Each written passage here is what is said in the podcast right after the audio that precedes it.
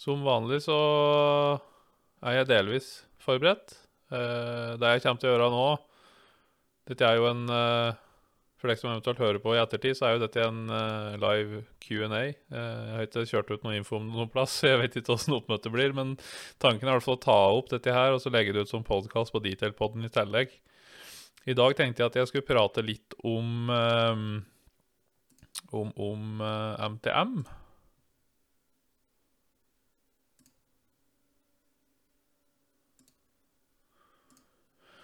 Og det vi skal gjøre med det framover eh, Skal vi se Jeg må bare få Lurer på om lyden Ble den litt lav? Der var den bedre, kanskje.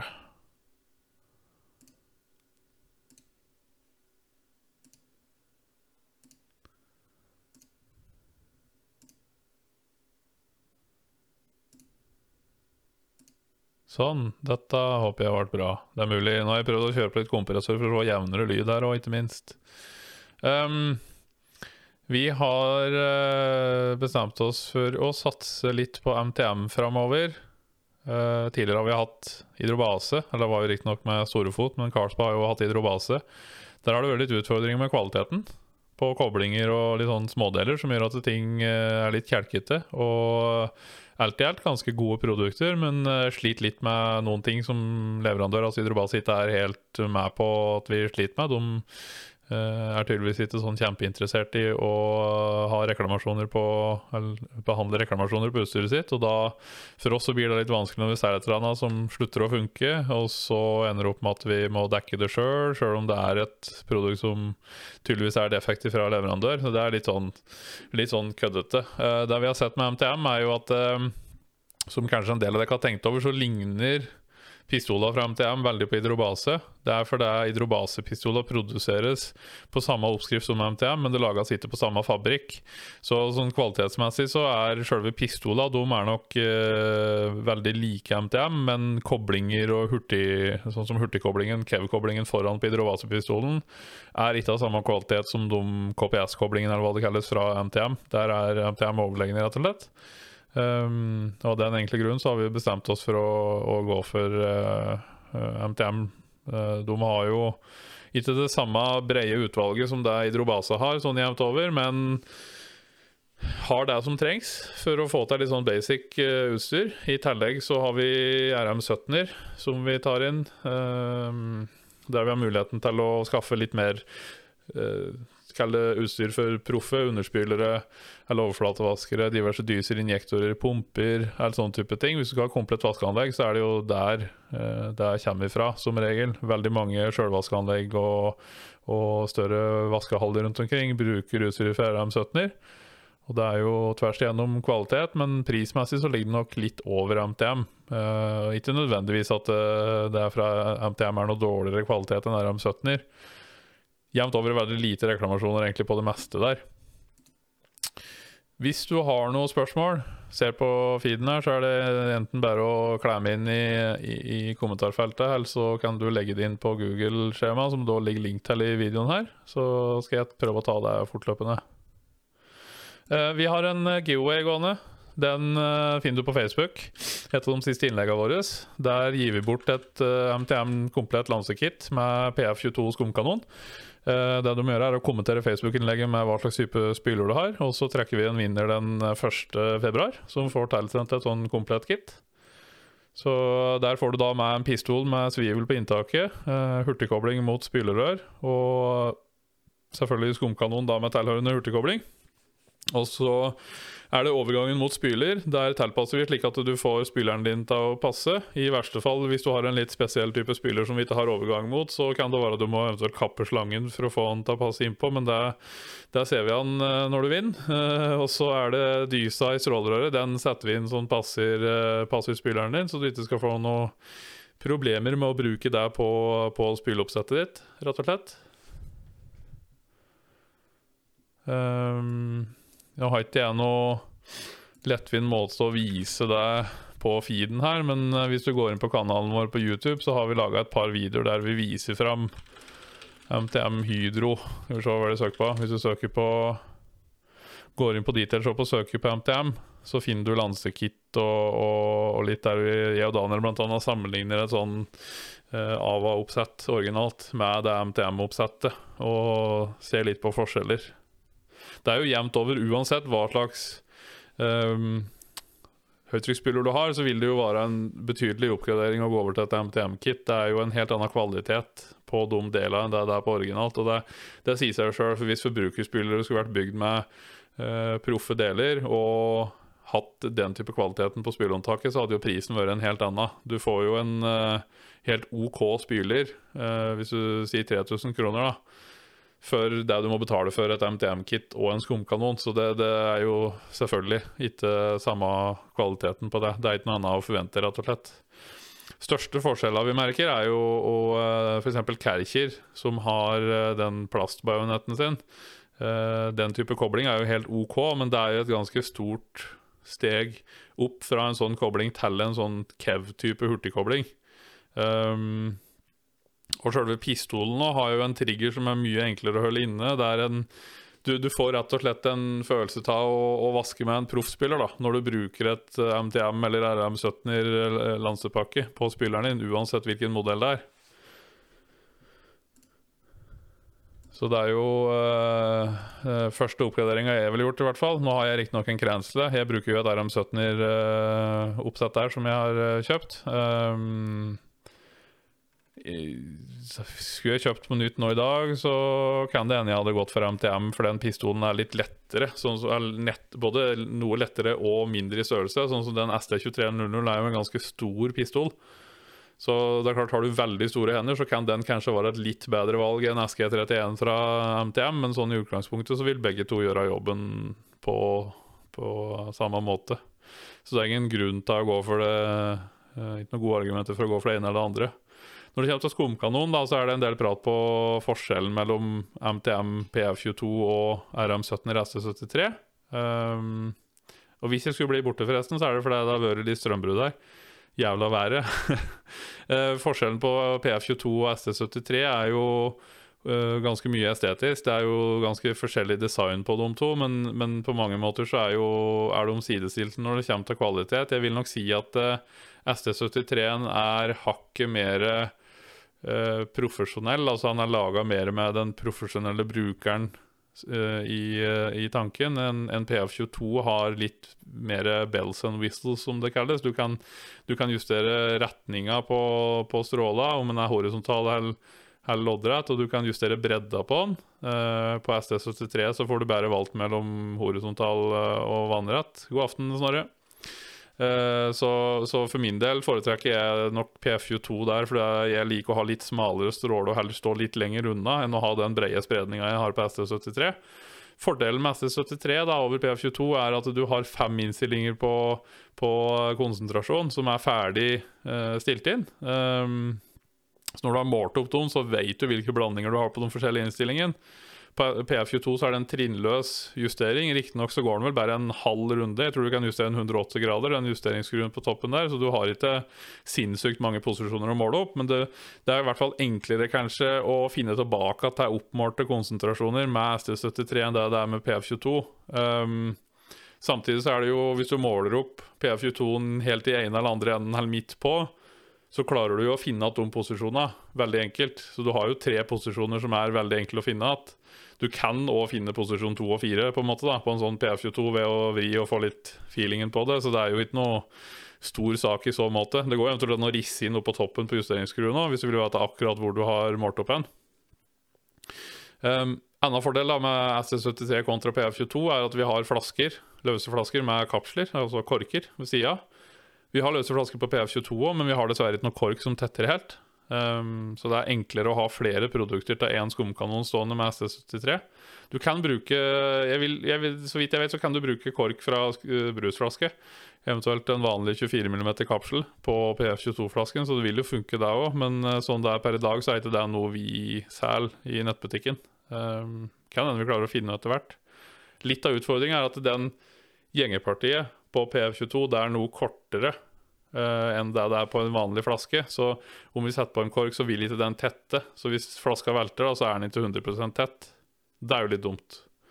Og så har vi fått en del spørsmål om dette med den PF22.2-flaska, versjon 2. Uh, den er uh, forbeholdt det amerikanske markedet. Uh, hvis du følger opp CS Garage på YouTube, så ser du at Hands er MTM PF22 med den nye flaska, som er liksom sånn Den er forma sånn, at den er kon. Den er mer stabil når flaska er tom. Jeg personlig syns ikke at det er noe problem, for jeg pleier å ha produkt stående på skumkanonen når det står i hylla. Uh, og hvis du setter på en Kev-type hurtigkobling, eller KPS som MTM kaller den, så er det uansett litt motvekt fra den koblinga. Så det er ikke noe stor sak å ha den stående med kobling i hylla, sjøl om den er tom. Ulempen med PF22-flaska eh, er at det er ikke så enkelt å sette på merkelapp for Kokk kjemiprodukt. Uh, vi har jo merkelapper både for foreninger og Protectovax og Superfoam og hva du nå enn måtte ønske å blande på skumkanon, så det er mye enklere å få merka en RM70-flaske med det enn den PF22-flaska. Men eh, ja, det, det fins måter å jukse det til på. Kan ta, vi kan ta og lage en video på dette med merking av flasker. Så det går jo an å skjære av den nedre hvite delen da, på etiketten og sette på den øvre delen av skumkanonflaska, så blir det helt OK. Da ser du hva slags produkt som er på den. Du får bare ikke plass til hele etiketten. Så det er mulig å jukse det til. Uh, skal jeg ta en liten, liten slurk med vann her. Selvfølgelig med standsmessig kopp. Nei, der. Der ser du den. Fin kopp. Meget fin kopp. MTM original, da. Hvis vi skal sammenligne SD73 fra RM17-er, MTM PF22 og MTM original, så er originalen en litt eldre type skumkanon. Det er mer en tradisjonell, sånn klassisk messingkanon. Eh, enkel konstruksjon, men fortsatt veldig god kvalitet. Fordelen med den er at du kan ut av boksen bruke den på større spillere enn det du kan med en PF22. PF22 har vi, så du kan sette inn ekstra dyser. Vi er tomme for dem akkurat nå, men vi får en ny forsendelse fra MTM i, i midten av neste uke. 27. eller 28. kommer det varer. Uh, har du en AVA P80 eller P90 f.eks., så vil antageligvis ikke en skumkanon med 1,25 mm dyse, som er standard størrelse, den vil ikke fungere med spyleren din, for den er for kraftig.